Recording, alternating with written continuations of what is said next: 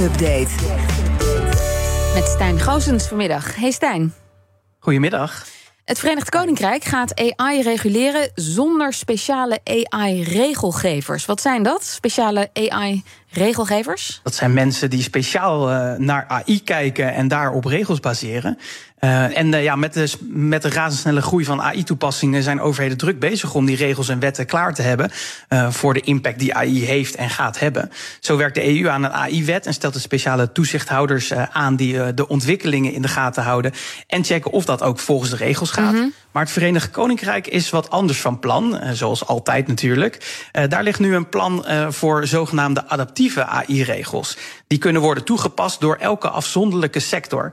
Dat betekent dat regelgevers voor mensenrechten, gezondheidszorg en bijvoorbeeld mededeling zelf verantwoordelijk zijn voor die speciale AI-regels rond ja, AI-regels in hun eigen sector.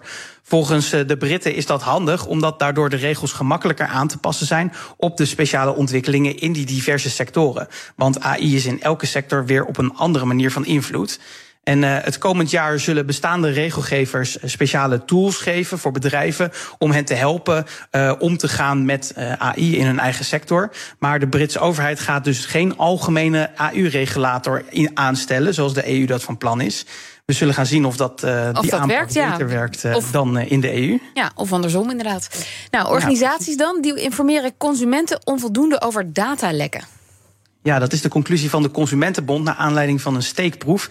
De bond keek naar 69 waarschuwingen aan klanten van bijvoorbeeld garages, scholen, IT-bedrijven en webwinkels.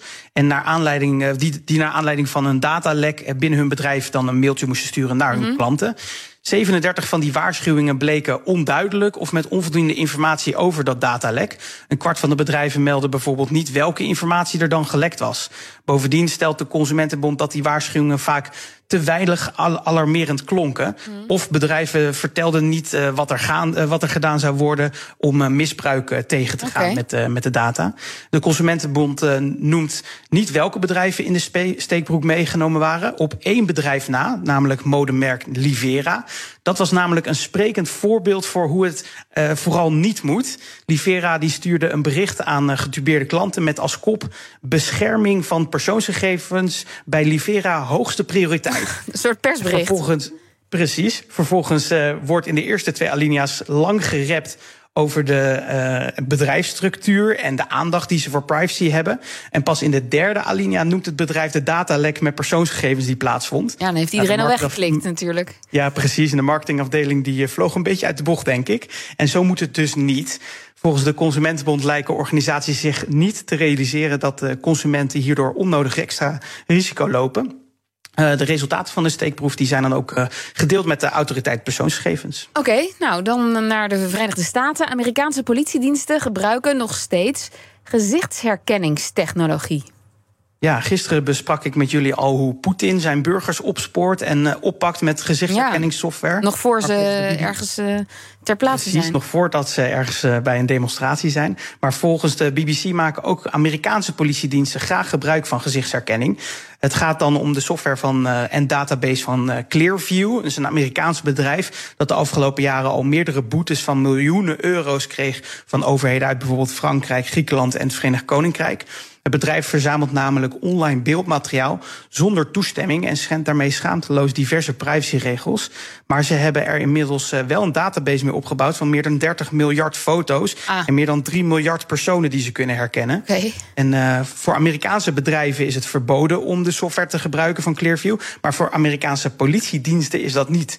En die maken er dan ook graag gebruik van. Volgens de BBC maken zo'n 100 politiediensten gebruik van de dienst. Uh, van Clearview. En uh, om beelden bijvoorbeeld van beveiligingscamera's te vergelijken met de database. En dat zou al, dan al in totaal zo'n zo'n miljoen keer gebeurd zijn. Uh, of er ook in Europa dan diensten illegaal gebruik maken van Clearview, dat is niet bekend. Ja, want dat zou meteen mijn vraag zijn. Als het daar gebeurt en wij hebben een, gebeurt het hier dan ook? een kritische ja, blik op Rusland, echt, ja, hoe zit het hier? verboden hoor. Het is wel streng verboden. In alle hier, lidstaten? Dat kan ik je niet vertellen. Nee, dat weet ik niet.